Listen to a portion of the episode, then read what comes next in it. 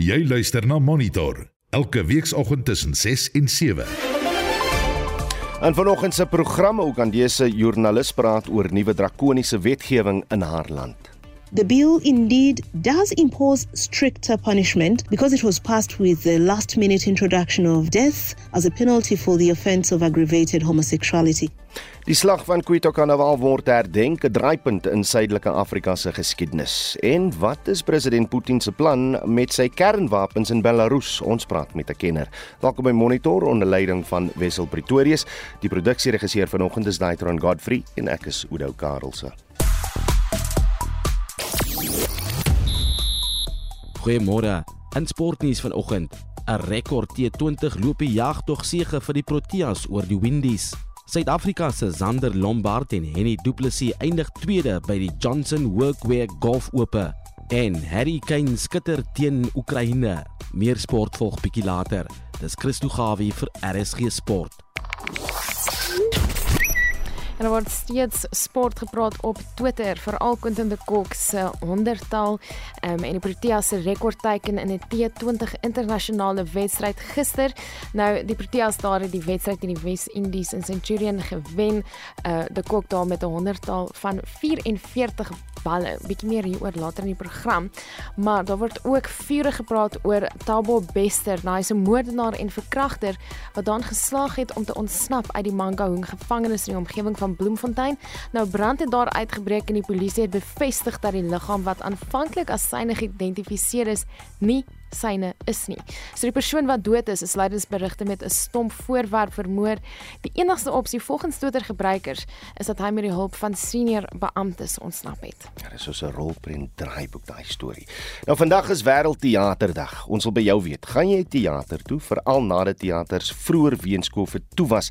En wat was jou beste of snaakste teaterervaring ooit. Jack Waterboer skryf op Facebook van uh, aan ons: "Goeiemôre aan die Monitor redaksie. Ek was nog nooit in 'n teater nie. Tydens Covid het dit my glad nie geraak nie. Ek het al baie uitnodigings sommer van die hand gewys. Groete uit Strydenburg. Maar nou hoekom Jack? Verduidelik bietjie. Stuur 'n SMS na 4588191 R50. Jy kan saampraat op Monitor en Spectrum se Facebookblad of uh, stuur vir ons 'n WhatsApp stemnota na die nommer 0765366961.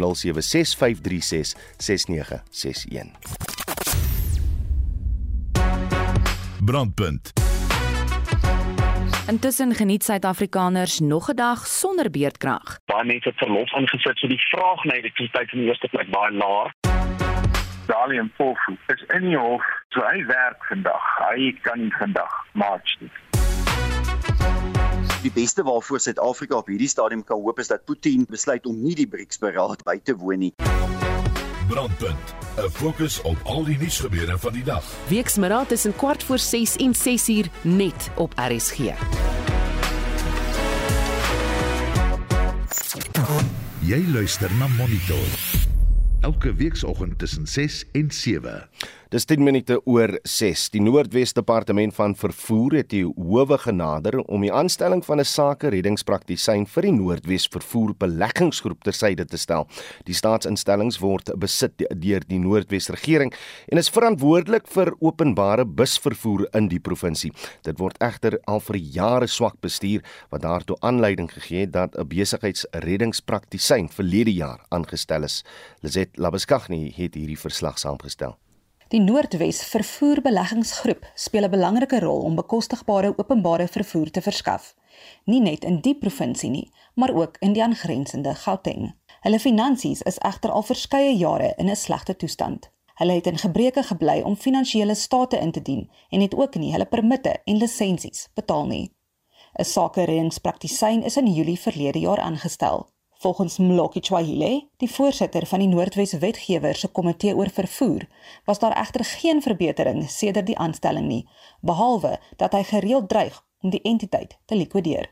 Chwahile sê hulle het kennis geneem van die slegte vertoning van die beleggingsgroep. It also noted the consolidated financial performance for the NTI Northwest Transport Investment Group that is suffering a recorded a loss of about 74.6 million with a negative variance of more than 100 million and their intention to auction the buses which are critical assets of the NTI. Swahili het bygevoeg dat hulle besluit het om strafregtelike klagtes te lê teen die wat volgens die komitee betrokke was by die onwettige aanstelling van die sake reddingspraktisyn. The decision was not made by the executive council as per procedure, but officials who did not have the authority nor accounting authority powers within the office of the premier outside of the government process, and that the appointment was irregular. The continued stay of the business rescue practitioner also is irregular and add no value to the need to turn around the NTI group. Die vervoervakbond SATAU sê dit is nie genoeg dat die sake reddingspraktisyn verwyder word nie. Volgens die vakbond se hoof van kommunikasie, Amanda Tsemesi, moet die ALR van vervoer, Selo Lahari, ook van sy pligte onthef word. The MEC of Transport, Mr. Lihari, must follow him. He needs to go as well. He is useless. The entity became worse under his leadership. In fact, it has collapsed. Our members and workers are not getting paid their salaries in that entity. What is he doing in that office? Why is he still there? Is he getting paid for nothing? Die Noordwes Vervoer Departement het bevestig dat 'n besluit geneem is om die sake reddingspraktisyn se dienste te beëindig, omdat hy nie na wense presteer het nie. Hulle het aangedui dat hulle nie verder kommentaar gaan lewer nie omdat die saak steeds voor die hof gebring moet word. Ek is Lizetla Beskagni in Mahikeng. Uganda se parlement het verlede week 'n wetsontwerp goedgekeur wat die LGBTQ+ gemeenskap in die land verder onderdruk. Sodra president Yoweri Museveni dit onderteken, sal dit onwettig wees om bloot te identifiseer as 'n LGBTQ+. Die wetsontwerp versterk Uganda se reeds bestaande anti-homoseksualiteit wetgewing wat swaar strawwe soos lewenslange tronkstraf en selfs die doodstraf vir oortreders to, tot gevolg kan hê. Joan Marie Verhoef het met 'n joernalis in Uganda Catherine Ageno gepraat. Sy sê daar is 'n uh, uh, ongemaklike stilte onder landsburgers en die LGBTQ+ gemeenskap. One of the legislators, Fox Odoy, presented a minority report in which he argued that the legislation passed was unnecessary, duplicates offences and penalties already in the Penal Code Act, and above all, it breaches individual rights on whom to love. However, from the LGBTQI community itself, there has been an unusual and uncomfortable quiet about this bill this time around. Unlike when a similar bill was passed in 2014, there was a lot of voices raised against it. The only voices that have been heard so far are those of human rights defenders. Agino sê Uganda se parlement het die keer nie kansse gevat nie omdat die hof die vorige wetsontwerp as ongrondwetlik verklaar het. President Museveni signed the previous Anti Homosexuality Act, which the Constitutional Court nullified on grounds that it was enacted without quorum. But this time, the Speaker of Parliament was keen on addressing this matter and ensured quorum was achieved by actual roll calling of the MPs. 389 MPs out of the over 500 attended the seating that overwhelmingly passed the bill. This time around, therefore, the human rights defenders are looking to challenge the law purely on grounds of rights violations. Die jongste wetsontwerp sluit nou strawwe en boetes in vir vriende en familielede van diegene met selfde geslagoriëntasie. Agino sê die media word met 'n valkoog dopgehou. Kinders sal moontlik uitgelewer word aan sogenaamde rehabilitasieskole indien hulle van homoseksualiteit verdink word en selfs verhuurders kan in die moeilikheid kom indien hul eiendom aan gay mense verhuur. Under the Act, a person found culpable of promoting homosexuality faces 20 years imprisonment. Their relatives also face a penalty of 100 million shillings or imprisonment for six months or both. There are also punishments for journalists and editors, film directors, and uh, corporate entities or organizations whose work is interpreted to promote homosexuality. Media houses, for instance, face a fine of up to 1 billion Uganda shillings, 10 year suspension, or even cancellation of their licenses. But the line between ordinary news coverage and promotion of homosexuality under the Act is blurred. That leaves the media practitioners at crossroads. Any person who contracts, attends, witnesses, presides, or participates in preparation of a same sex marriage risks 10 years in prison. Also in trouble are the landlords who rent their premises out to homosexuals. Children too are not spared Instead, those found guilty of engaging in homosexuality face three years in jail with provision for rehabilitation in line with Uganda's Children's Act. Museveni het 2 maande om die wetsontwerp te onderteken. He'll be required by law to respond within 60 days. So for now, we all wait to see what will happen. Catherine Agino, 'n joernalis en redakteur by National Media Group in Uganda. Ek is Jean Marie Verhoef vir SAK nuus. Die LGBTQ+ gemeenskap in Noordwes vra dat die gemeenskap hulle seksualiteit moet erken en aanvaar. Hulle beweer sommige gemeenskapslede, insluitend tradisionele leiers, diskrimineer teen hulle op grond van hul seksuele oriëntasie. Jean Marie Verhoef het vir ons meer besonderhede hier. Ter herdenking van Menseregte Maand het die LGBTI gemeenskap in die provinsie die afgelope naweek hul 6ste Pride optog naby Mahikeng gehou. Die hoof van die organisasie Gay Umbrella, Mildred Maropefela, sê hulle is veral bekommerd oor diskriminasie in landelike gebiede. We have many gay children who are born from the traditional leaders, but they cannot even be openly gay because the fathers or the mothers, honestly speaking, they end up being kicked out. So even the community at large, some people feel free. That's why we created this space. They feel free in these spaces, unlike when they are at home. Someone has to live double life. You go home, you live this life because you have to impress because the community and the tradition doesn't accept. Lede van die LGBTI gemeenskap stem saam dat diegene in landelike gebiede hul ingesteldheid moet verander. When there are funerals, they will want us to wear dresses of which they suppress who you are. Traditional councillors and chiefs and kings needs to be invited in our local traditional gatherings so that they can also be sensitized and be taught that we are also human beings like the way we are. Nkosanati Molefi woon in Majemancho, 'n landelike dorpie naby Mahikeng. Sy sê dis selfs moeilik om welkom in die kerk te voel. Because I would be attending a church service then boom when I'm sitting there with other fellow church members then the pastor pops out a scripture regarding homosexuality for us it's not easy like maybe we had our own church whereby we would feel free Intussen het die Noordweshuis van tradisionele en Khoisan leiers diegene wat voel dat daar teen hulle gediskrimineer word, aangemoedig om die organisasie te nader. Hulle voorsitter is Tari Moatwe.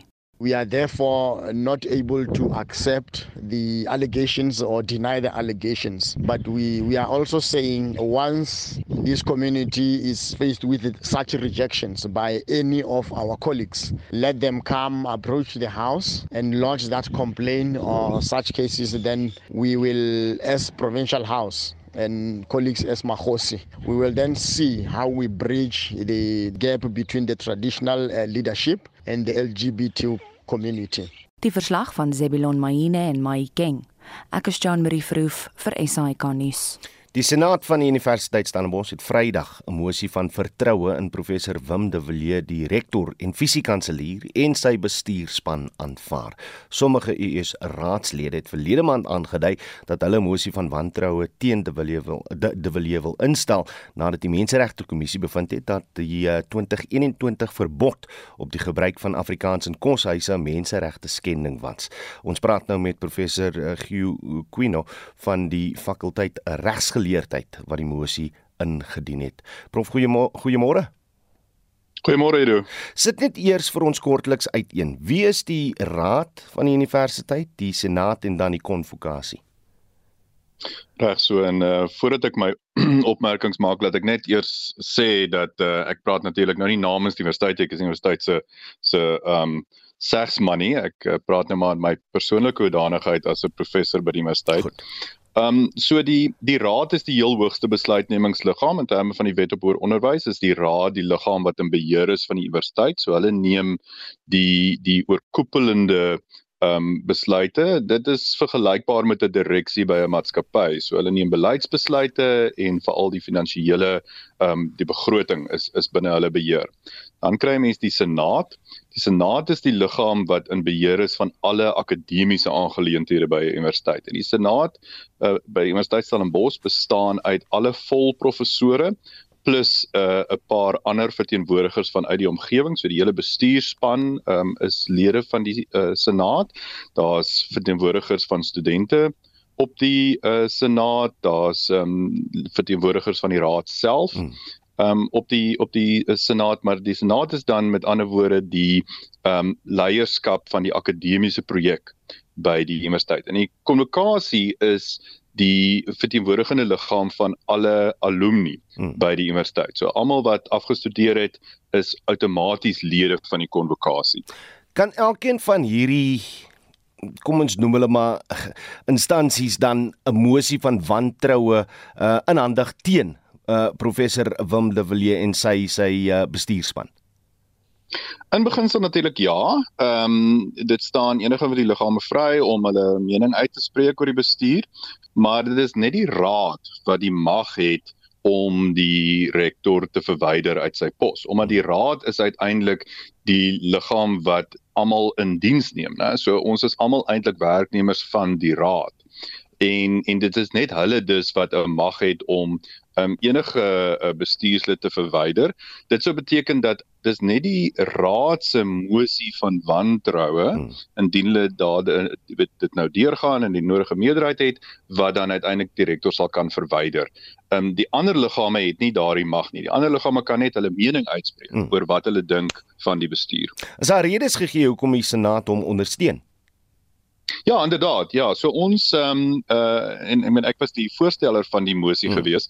Ehm um, dit was vir ons baie belangrik geweest om namens die as die akademiese leierskap by die universiteit te sê dat ons dink nie dat hierdie voorvalle wat in die menseregte kommissie verslag ehm um, oor uh, jy weet uh, nou berig word en en wat nou in die media ook opgetel is. Ons dink nie dat dit is gronde vir wantroue hmm. in ons bestuur nie. En trouens ons dink dat ons bestuur doen ehm um, besonder goed wat dit betref inklusiwiteit en wat betref ehm um, meertaligheid by die instelling en ons het volle vertroue in die prosesse wat hulle bestuur, die manier hoe hulle dit bestuur, byvoorbeeld die begroting wat hulle beskikbaar maak vir hierdie aangeleenthede. Hmm. Ehm um, en dit was dus vir ons belangrik geweest om die boodskap uit te stuur eerstens teenoor die bestuur maar dan ook teenoor die wye wêreld, ja. insluitende die raad dat die akademiese leierskap by die universiteit het volle vertroue in ons bestuur. Gio, hy hy is by die verhoor gevra oor uitlatings wat hy blykbaar reeds in 2015 gemaak het oor sy mening dat dit onverwenbaar is dat Stellenbosch die die oorskakeling sal moet maak na Engels. Hy het voor die MRK eh, en volgens die MRK geweier om die vraag by daai verhoor te beantwoord. Wat is julle mening as die senaat daaroor? Wel, ek dink mense moet baie versigtig wees um as mens praat oor oorskakeling. Hmm. Jy weet wat beteken dit? Um en die die kernpunt hier is dat die Universiteit Stellenbosch is 'n nasionale universiteit, né? Ons dien die hele Suid-Afrikaanse gemeenskap. Nie sekere deel van die Suid-Afrikaanse gemeenskap het die hele een. Uh en mense moet dan jou jouself die vraag vra so hoe doen ons dit? Um en, en dit is tog in Suid-Afrika onverwendbaar dat 'n mens dan taal moet bedryf op 'n manier wat almal in die land sou kan insluit. Dis waar die inklusiwiteitsdeel inkom. Maar en dit is die baie belangrike punt. Dit beteken nie dat dit ten koste van in hierdie geval dan Afrikaans moet gebeur nie. So ehm um, ek dink die woord oorskakel is 'n is iemand mens met omsigtigheid hmm. moet gebruik.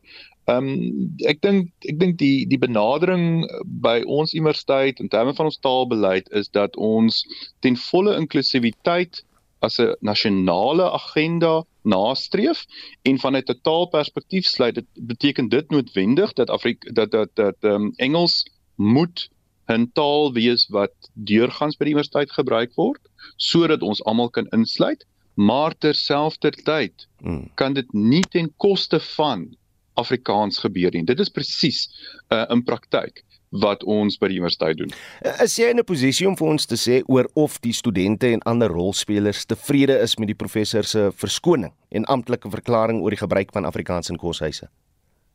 Nee, ek sal nie kan ek hmm. kan nie namens die studente praat nie. Ehm um, ek meen wat ek wel kan sê is dat die studente verteenwoordigers op die senaat ehm um, ten volle ten gunste van die mosie was en daaruit kan 'n mens derhalwe aflei dat ten minste die studente leierskap wat op die senaat verteenwoordig is, uh, is tevrede met die bestuur se hantering van hierdie bepaalde aangeleentheid, maar ook die breër uh, implementering van die taalbeleid by die universiteit. En wat is jou mening net laastens oor of daar wel 'n mosie van wantroue sal gebeur uh teen die die uh fisiekanselier? Wel ek ek ek het geen twyfel dat daar sekere elemente is wat gaan probeer om so 'n mosie te te bring nie. Ehm um, maar ek het ook min twyfel dat daar sukses sal wees. Ek dink nie so 'n mosie sal suksesvol wees in die raad nie. Ek glo dat die meerderheidsraadslede ehm um, het het het genoeg ehm um, insig en genoeg begrip vir hoe moeilik dit is om veeltaligheid in 'n groot ehm um, organisasie soos die universiteit te bestuur, het genoeg begrip om te besef dat ja, daar gaan foute gemaak word. Hmm. Ehm uh, maar as 'n mens 'n fout maak, is dit tog nie gronde om iemand nou te sê nou moet jy gaan nie, mens moet eerder die vraag vra hoe is daai fout hanteer? En ek dink die oorgrootste meerderheidsraadslede sal um, ek dink eintlik baie maklik besef dat die hantering deur die bestuur insluitende um, direkteur van hierdie bepaalde um, aangeleenthede was eintlik baie goed geweest en en dat ons volledig hou by die taalbeleid soos hy soos hy staan. So ek ek dink regtig nie dat 'n mosie sal um, deurdra in die raad nie. Dit was professor Gio Quino van die fakulteit regsgeleerdheid by US. Dit was gister presies 3 jaar sedert die afkondiging van die ramptoestand weens COVID-19 en die gepaardgaande inperkings. Lande wêreldwyd het streng maatreëls ingestel om die verspreiding van die virus te voorkom. Dit het onder meer die verbod op reis en vrye beweging ingesluit. Maar is COVID nou iets van die verlede? 'n Lid van die doktersnetwerk by Solidariteit, Dr. Angelique Kutse, dink nie so nie. Nee, ek dink die bedreiging is heeltemal afgeweer nie. So wat ons sien in die spreekkamers is daar ons nog steeds COVID in omloop en ons sal seker so 5 6 pasiënte 'n week kry wat positief is. Simptome baie moeilik te vergelyk dieselfde met 'n sinusitis of 'n lugweginfeksie. Gelukkig word die mense nie baie siek nie. Dit is nog steeds wat ons noem 'n mild disease, maar dit is nie weg nie. Moet mense nog gaan vir inentings? So my raad aan pasiënte sal wees as jy nog nooit ingeënt is nie en jy het nog nooit COVID gehad waarvan jy weet nie om wel net jou immunisering te kry. As jy nou al ouer is en jy het nou al jou vorige immuniserings gekry of jy twee gehad en jy is 'n hoë risiko pasiënt om miskien net 'n derde booster te kry, maar ek sal nie net as ek alreeds 3 gehad het, sommer nou weer net gaan nie. Ek dink wat belangrik is is 'n mens moet sit en wag en kyk wanneer is daar weer 'n redelike uitbraak en dan vir die ouens sê om dan te gaan in want ons sien dat die immuunstelsel jou antiliggame omtrent so 6 maande. So mens kan nie elke 6 maande iemand wat immuniseer nie. Maar ek dink net ook belangrik dat as jy enige lugweginfeksie het, al dink jy dis net 'n verkoue, dra jou masker. Dit is die veiligste want dan weet jy jy gaan nie sommer ander mense aansteek nie. Maar dit is nie weg nie. Ons het ook 'n probleem met die regulasies want dit is nie baie duidelik in die regulasies of is dit nog 'n aanmeldbare siekte of nie. Die regulasies is baie vaag wat dit dink dit ook moeilik maak en dan baie pasiënte toets net nie meer nie, baie dokters toets net nie meer nie. Wat is 'n pasiënt met hoë risiko?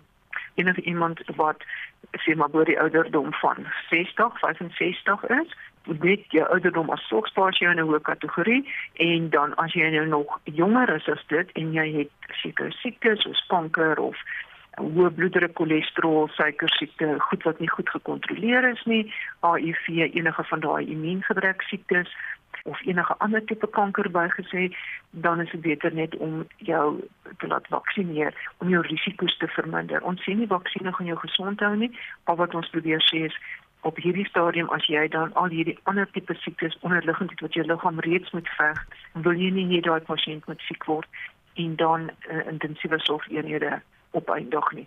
Jy wil hulle buite die hospitaal soveel as moontlik gesond hou. Dr Angelo Kutse daar van die raadgewende doktersnetwerk by Solidariteit en uh, sy het met ons Mitsi van der Merwe gepraat. Jy luister na Monitor elke weekoggend tussen 6 en 7. 36 en in die nuus. 'n Mosie van wantroue binnekort aangehoor teen die rektor van die Universiteit Stellenbosch.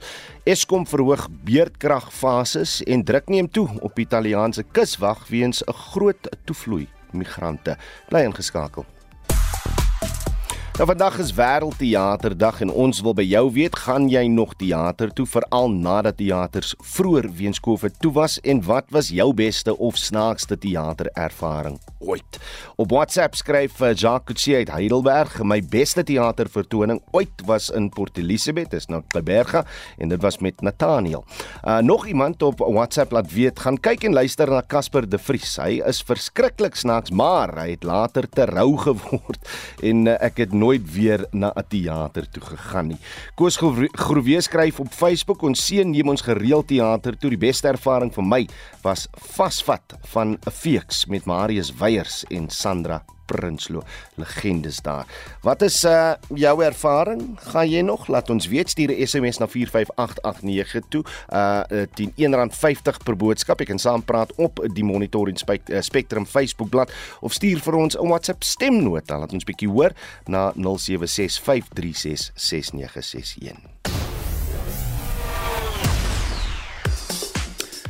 Reg, Christo Gawie sit gereed met die jongste sportnuus môre, Christo. Goeiemôre Oudo, goeiemôre Suid-Afrika.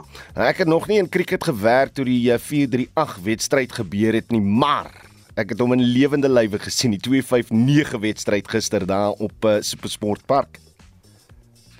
Ja nee, ek weet jy was daar gewees. Uh, Oudo die Proteas het die tweede T20 wedstryd teen die Wes-Indiese eilande met 6 paaltjies gewen. Die Proteas het die loting in Centurion gewen en die Windies ingestuur om eers te kolf. Die eilandspan het 'n uitstekende kolfbeurt 258 vir 5 aangeteken. 'n 100tal deur Quentin de Kock het egter die grondslag gelê vir die Proteas kolfbeurt.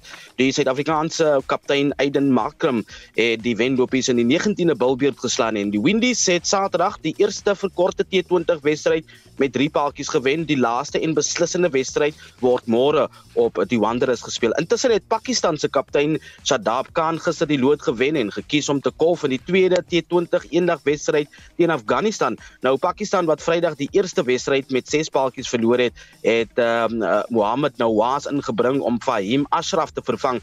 Gister het Pakistan uh, 130 vir 6 aangeteken met Afghanistan wat in antwoord uh, 133 vir 3 aangeteken het en dit wen met 7 paaltjies. Hulle het ook die eerste wedstryd met 6 paaltjies beklink en die laaste wedstryd word ook vandag beslis. Reg, kom ons praat 'n bietjie golf. Ja, die uh, natuurlik uh, Nick uh, Bachum van Duitsland het 'n uh, droomdebuut oorwinning op die DP Wêreldtoernooi behaal toe hy gister die Johnson Workway Ope wat saam met die Sunshine Tour goedgekeur is met 4 houe gewen het. Nou Bachum het met 'n voetjievrye eindronde van 64 afgesluit om op 24 onder baansyfer te eindig. Die Suid-Afrikaner Zander Lombard en Henny Du Plessis het die tweede plek op 20 onder baansyfer gedeel met hulle onderskeie finale rondes van 65 en 68 Oudo. En wat het jy nog vir ons, Christo? Um ek het nog MotoGP nuus. Dit is 'n uh, nuus. Dit is natuurlik uh, uh Francesco Bagnaia het gister se Portugese MotoGP seisoen uh, opening gewen. Uh, Suid-Afrika se Brad Binder het gesukkel tot 'n 6de plek sowel as uh, net by nadat hy in 14de posisie begin het. Die KTM Red Bull ryer het net 2 rondes se uh, 6 plekke verwerf en 'n verstommende uh, terugkeer het hy bewerk uh, stellig. Dan het ek 'n sokkernuus ten slotte. Harry Kane het sy status as Engeland se grootste internasionale doelskieter onderstreep en Bukayo Saka het ook geskitter in 'n gemaklike 2-0 oorwinning oor Oekraïne gister in 'n uh, Euro 2024 kwalifiseerde. Nou Kane kry sy goue stewel nadat hy Engeland se voorste doelskieter geword het. Oekraïne het hulle oomblikke gehad, maar het nooit regtig in staat gelyk om slegs 'n tweede oorwinning oor Engeland Engeland in 10 pogings te behaal nie. Christo Gawie daar van RSG Sport.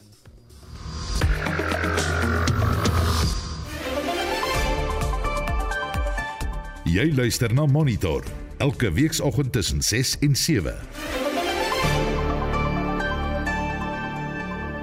Die 35 jaar herdenking van die slag van Cuito Carnaval in die suide van Angola het gister by Vryheidspark plaasgevind. Die gebeurtenis, bekend as die grootste veldslag in Afrika sedert die Tweede Wêreldoorlog, het groot gevolge vir uh, Angola, Namibië en Suid-Afrika aangehou. Ons praat nou met professor uh, Abel Esterhuise van die fakulteit Krygskunde aan die Universiteit Stellenbosch. Abel, goeiemôre. Goeiemôre Udo. Skep net weer vir ons die konteks in aanloop tot die slag van Cuito Carnaval. Ja, mense moet miskien die eerste punt maak dat daar eintlik nooit iets was soos 'n geveg rondom Quito Carnaval nie.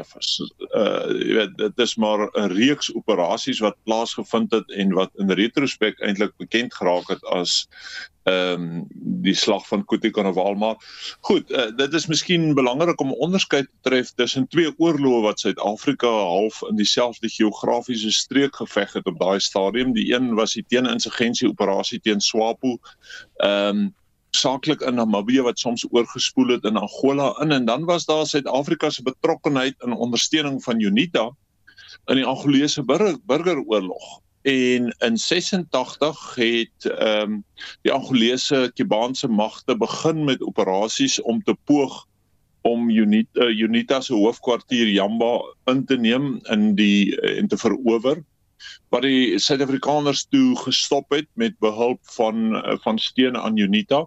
En toe het hulle met 'n oorwoe poging gekom in 1987 en ehm um, uiteraard moes Suid-Afrika toe groot mag magte ontplooi op die ou end uh, in 'n omgewing van 3000 magte ontplooi om uh, daardie opmars van die Angolese te stuit um, in in hulle poging om Jamba te verower en hmm. daar's 'n stuk ironie in daardie operasies omdat uh, die Suid-Afrikaners het inderdaad daarin geslaag om die Angolese opmars te stuit en toe die Suid-Afrikaners self met offensiewe operasies ehm um, begin wat toe uiteindelik deur die Angolese gestuit is en dit is juist daardie skaakmat situasie wat toe ontstaan het uh wat aanleiding gegee het tot die mitologie uh en die debat rondom die gevegte van Quito Carnaval.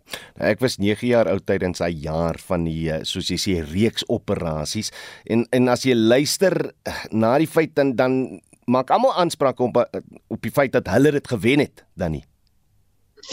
Ja, en ek ek dink heeltemal reg ook so, jy weet, daar was 'n deel waar die Suid-Afrikaners baie goed ingedoen het en wat hulle baie suksesvol was om die Angolese opmars te stuit te stuit en wat hulle eintlik die Kibane en die Angolese magte ehm um, uh, jy weet uh, uh, uh, uh, baie suksesvol teen hulle geopereer het.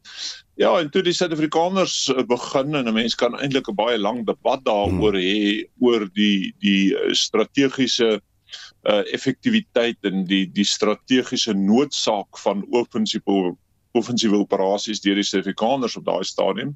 Maar ja, toe die Suid-Afrikaners begin met offensiewe operasies en uiteraard was die Angolese toe voorberei uh en uh in baie baie goeie voorbereide de defensiewe stellings. Ehm um, wat die Suid-Afrikaners nie suksesvol kon penetreer nie en ehm um, ja, dit het uiteindelik uh, jy weet die skaakmat situasie geskep en die skaakmat situasie is baie belangrik omdat dit uh, 'n noodsaak geskep het, uh, 'n noodsaaklikheid wil ek amper sê teweeggebring het by al die vegtende partye dat daar politieke oplossing gevind moet word. En daardie politieke oplossing het uiteindelik uitgeloop op die ehm uh, jy weet vrede in Angola, demokrasie en vrede in Namibië het en uiteindelik ook vrede in in in Suid-Afrika en en 'n demokrasie in Suid-Afrika. So die veldslae wat daar ontvou het, die gevegte wat daar plaasgevind het, het eintlik uh die hele Suider-Afrika um om om om vorm en en vrede gebring in in die hele Suider-Afrika. En in, uit daai oogpunt uit was die die gevegte krities hmm. krities uh vir die die die toekoms wat uh, uiteindelik ontvou het. Ja, gee net vir ons net bietjie agtergrond oor hoekom so baie mense sê die die slag soos ons hom noem, uh ons in Suid-Afrika tot vrede samesprekings gedwing het. Ehm um, dood eenvoudig soos ek sê omdat ehm um, die die skaakmat situasie wat uiteindelik ontstaan het op die slagveld, uh, die Angolese oortuig het om om te onderhandel, die Kubane oortuig het om te onderhandel, die Russe oortuig het om te onderhandel, die Suid-Afrikaners oortuig het om te onderhandel.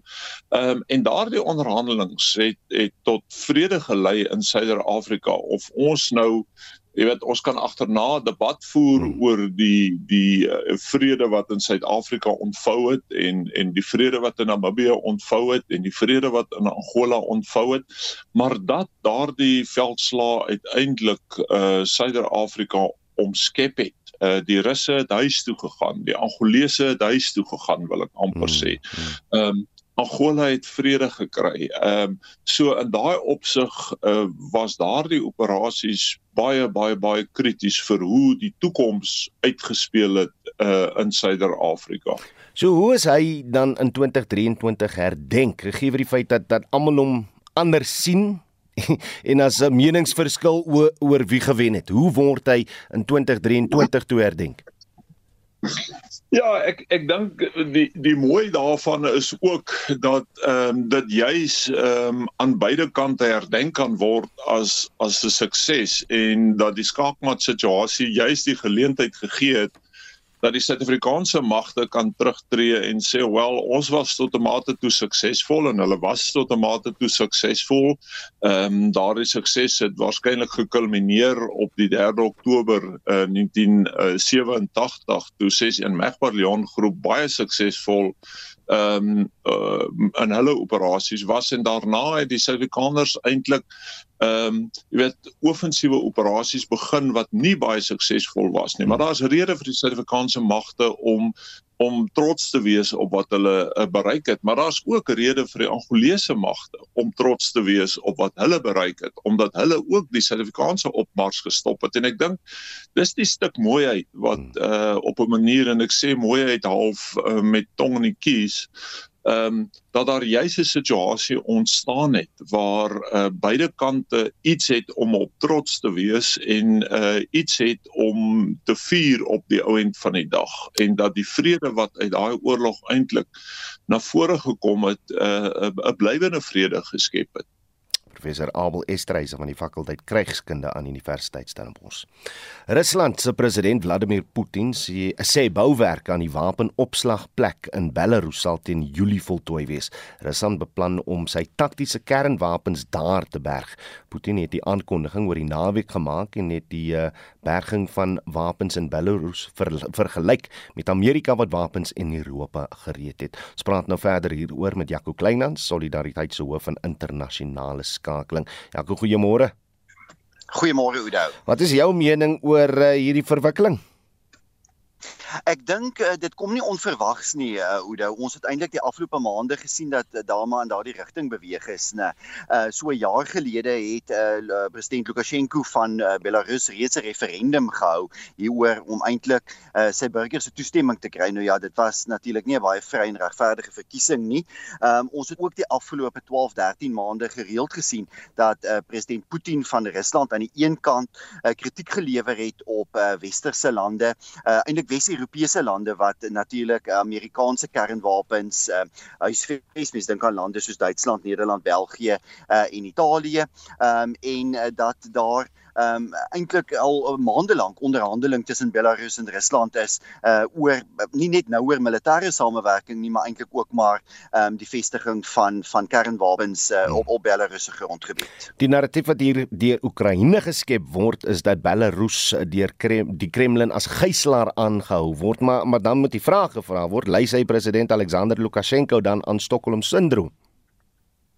Ja, kyk, ehm um, dis 'n interessante ehm um, uh scenario wat afspeel as mens teruggaan na die 2020 verkiesing uh in Belarus en die geweldige opstande wat daar was, net duisende mense wat deelgeneem het toe Lukasjenko die verkiesing met 81% van die stemme gewen het en daar eintlik bewyse was vir grootskaalse verkiesingsbedrog.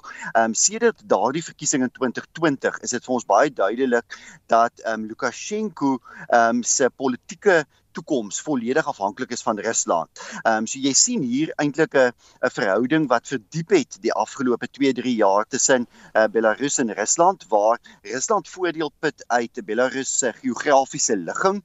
Ehm um, ons het verlede jaar gesien met die met die aanvanklike inval in Oekraïne dat Belarus toegelaat het dat ehm uh, uh, die Russiese weermag oor sy grondgebied beweeg veral met die aanvanklike aanvalle uh uh op Kiev. Ehm um, en aan die ander kant natuurlik is Belarus toenemend afhanklik afhanklik van Rusland uh ekonomies maar ook vir Lukasjenko se politieke voortbestaan dit word hmm. eintlik in 'n mate uh deur uh, Vladimir Putin in Rusland uh verseker. Indien daardie omstandighede moet verander jy weet um indien uh, Lukasjenko die guns van Rusland moet verloor dan sal sy sal sy leierskap sy baie autoritaire leierskap in in Belarus natuurlik tot 'n einde kom. Xi Jinping het intussen gekom hy het gekuier hy het geloop En nou sê Putin oor die naweek uh, dat daar glad nie 'n militêre alliansie tussen Rusland en China gevestig was tydens hierdie besoek nie. Uh, wat is jou mening? Ja, dis eintlik is eintlik 'n vreemde uh, opmerking. Ek dink in 'n mate is dit Putin wat wat 'n bietjie terugkrabbel. Kyk, Putin is die uh, enkele party wat die graagste wil hê dat daar nouer militêre samewerking moet wees. Ek dink dit is China wat versigtig is.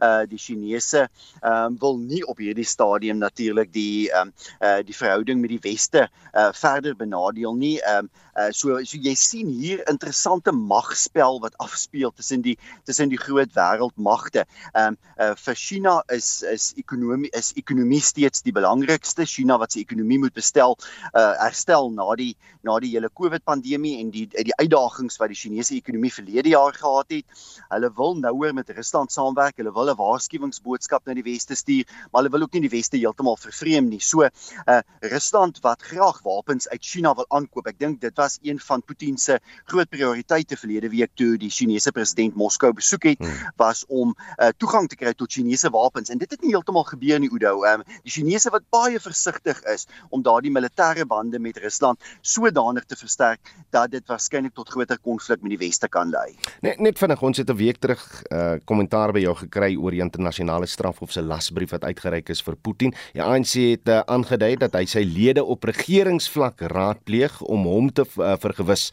van die implikasies van die strafhof se besluit. Hoe dink jy gaan hierdie proses afspeel vir alles daar by die BRICS-beraad te besoek hier in Suid-Afrika afgelê word deur Putin? Ja, dit is besig om in 'n redelike 'n krisis vir die regering te onthou. Onthou jy, onthou in 2016 het Suid-Afrika uh, na Omar al-Bashir van Sudan se besoek uh, probeer om te onttrek aan die internasionale strafhof en dit lyk of daar uh, binne die ANC 'n uh, sterk stem nou weer daarvoor opgaan, jy weet van van uh, ook 'n uh, groepering binne die parlement, parlementslede wat sê nee, die tyd het aangebreek dat Suid-Afrika onttrek aan die strafhof. Um, Rusland en die FSA is in elk geval nie deel nie. Hulle het al onttrek um, en en en dat daardie proses in werking gestel moet word. Suid-Afrika het probeer in 2016 uiteindelik dit beëindig, maar vir president Ramaphosa is dit baie moeilik. Want onthou, hy het homself eintlik redelik sterk verbind tot Suid-Afrika se deelname aan die internasionale strafhof en dit sal 'n groot ommekeer wees indien president Ramaphosa nou sê, maar goed Suid-Afrika moet onttrek aan die strafhof. So, mense sien eintlik hier een van van twee of drie scenario's wat kan uitspeel. Suid-Afrika wat probeer onttrek en wat daardeur baie geloofwaardigheid verloor of aan die ander kant waarskynlik die Russiese president wat besluit om nie Suid-Afrika tydens die BRICS-beraad te besoek nie. Jaco Kleinhans, solidariteitshoof van internasionale skakeling. Werknemers by Independent Media het Vrydag verneem dat hulle voortaan slegs 75% van hulle salarisse sal ontvang. Dit volg nadat die Openbare Beleggingskorporasie en die Iqbal Survey verwante tegnologie maatskappy AYO 'n uh, skikkingsooreenkoms bereik het. Survey besit ook Independent Media. Nou die skikking tussen die OBK en AYO tegnologie handel oor 'n 4,3 miljard rand belegging wat die OBK van jou wou terugkry. Vir meer hieroor praat ons nou met Adrian Beson. Natuurlik is hy 'n bestuurslid eh, van 'n ander maatskappy, media maatskappy News24, maar ons praat vanoggend met hom in sy hoedanigheid as raadslid van die redakteursforum Sanef. Adrian, goeiemôre. Môre dit? Weet ons of die skikking tussen uh, die OBK en AYO direk verband hou met die salarisse by independent media wat gesnoei word? Ehm um, Udo op hierdie stadium is daar nie geen formele aankondiging in daai verband nie, maar ek dink as 'n mens ehm um, een en een bymekaar kan sit, ehm um, dan maak dit maak dit net sin ehm um, die tydsberekening van hierdie aankondiging. Equal Survey is in die middel van al hierdie stories. Hy is die ehm um, eienaar van Sekunjalu. Dit is sy beleggingsmaatskappy, sy familie se beleggingsmaatskappy wat 10 jaar gelede belê het en gekoop het ehm um, Independent Media wat natuurlik van die grootste koerante in die land besit, die hmm. Star in Johannesburg, Mercury en Durban, die Cape Times en die Cape Argus ehm um, hier onder in die Kaap en nog 'n klomp ander. Ehm um, en oor die afgelope 10 jaar ehm um, het hy daai groep net ongelooflik swak bestuur. En dit was dis 'n dis 'n dis 'n tragiese ding wat hier besig is om voor ons af te speel waar dit lyk of een man ehm um, eerder sy eie sake belange kies bo die regte um, en en belange van 'n hele groep joernaliste en media um, publikasies. Trek nou hier amper die einde van nog 'n maand independent media uh, se werknemers is op kort kennisgewing van die besluit ingelig. Wat staan hy werknemers nou te doen?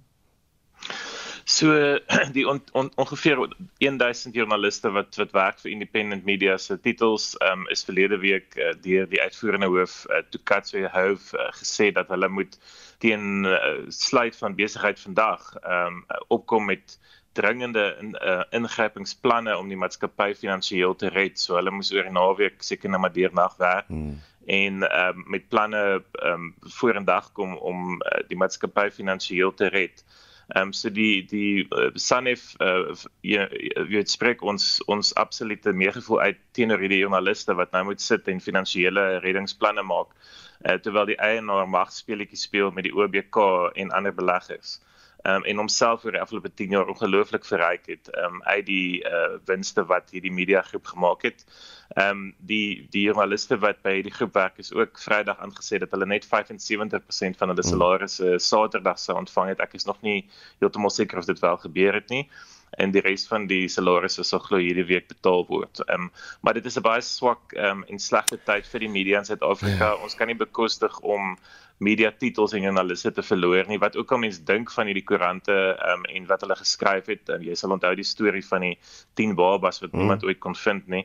Ehm um, dit is steeds belangrik vir Suid-Afrika om soveel as moontlik media um, publikasies en joernaliste te hê om al die stories van ons land te kan vertel. Ehm um, so dis altyd tragies en sleg as daar ergens werke verlore gaan maar ek kan nie sien hoe dit nie hier gaan gebeur. Wat sê die joernaliste stuur hulle hier hier af op 'n afdankingsproses? Ehm um, dit is maar dit is maar die die boodskap dink ek wat wat almal um, vrede mee maak. Ehm um, die die daar's natuurlik 'n moontlikheid dat 'n koper gevind sal word. Ehm um, en dit is iets wat Sanef ook ondersteun. Ons hoop dat daar ergens 'n uh, 'n belegger is wat uh, kan sien om die groep oor te vat ehm um, en en hierdie titels ehm um, uh, te red en die joernaliste se werke te red. En net net 'n laaste vraag oor uh die SAIK. Nee, Sanef het verlede week uitgevaar teen die feit dat hmm. daar nog steeds na maande nie 'n nuwe raad aangestel is by die SAIK nie. Hmm. Gaan Sanef verder optree ten opsigte hiervan Adrian? Dit is 'n vreemde situasie, nee, ehm um, ons ons ons sal maar aanhou om druk op die ehm um, president te sit as hy by dit daai aanstelling moet maak. Ehm um, ons is van die mening dat daar ehm um, definitief ehm um, 'n slang in die gras is en ehm um, en dit is net absoluut ongehoor dat dat uh, dat dit maande duur om 'n raad vir die SAIK aan te stel. Um, die SAIK is in 'n vernuwingsfase en dit is uiters belangrik dat goeie um koöperatiewe bestuur aan die orde van die dag is. So ons sal aanhou om druk op alle maniere aan te sit op die president op hierdie een. Sane Vraatslid, Adrian Boson, dankie vir jou tyd hier op monitor. En daar word steeds gegons oor die Windies en Protea se kragmeting op Centurion gister. Name wat veral hier uitstaan op Twitter is Johnson Charles en Quentin de Kok en dan Tabo Bester, die moordenaar wat ontsnap het uit die Mangaung gevangenis in die Bloemfontein omgewing. Dit kom voor asof hy sy dood in 'n brand probeer vervals het en Twitter gebruikers is vas oortuig daarvan dat hy hulp van senior beamptes gehad het. Die brandersprake het wel reeds verlede jaar plaasgevind op die 3 Mei. So Bester is nou bykans 'n jaar lank op vrye voet. Reg, vandag is Wêreldteaterdag en ons wil eenvoudig net by jou weet, gaan jy nog teater toe? Alne Erasmus skryf op Facebook, ons was weer teater toe gewees. Ons het na Afrikaans in styl met Nathaniel Stef uh, Bos en Karen Zoid gaan kyk. Dit was 'n uitstekende produksie en Six and About van Nathaniel gaan kyk wat ook 'n uitstekende produksie was. Die komende donderdag gaan ons Koos Kombuis se vertoning by die Centurion Theater bywoon. En dan sê Pietro Matthys en jene, ons het daar baie dae. Watter dae kom nog? Luister dan laat ons jou weet. Stuur vir ons nog SMS na 4588919 R50 per boodskap. Jy kan saampraat op Monitor en Spectrum se Facebookblad of WhatsApp vir ons 'n stemnota na die nommer 0765366961.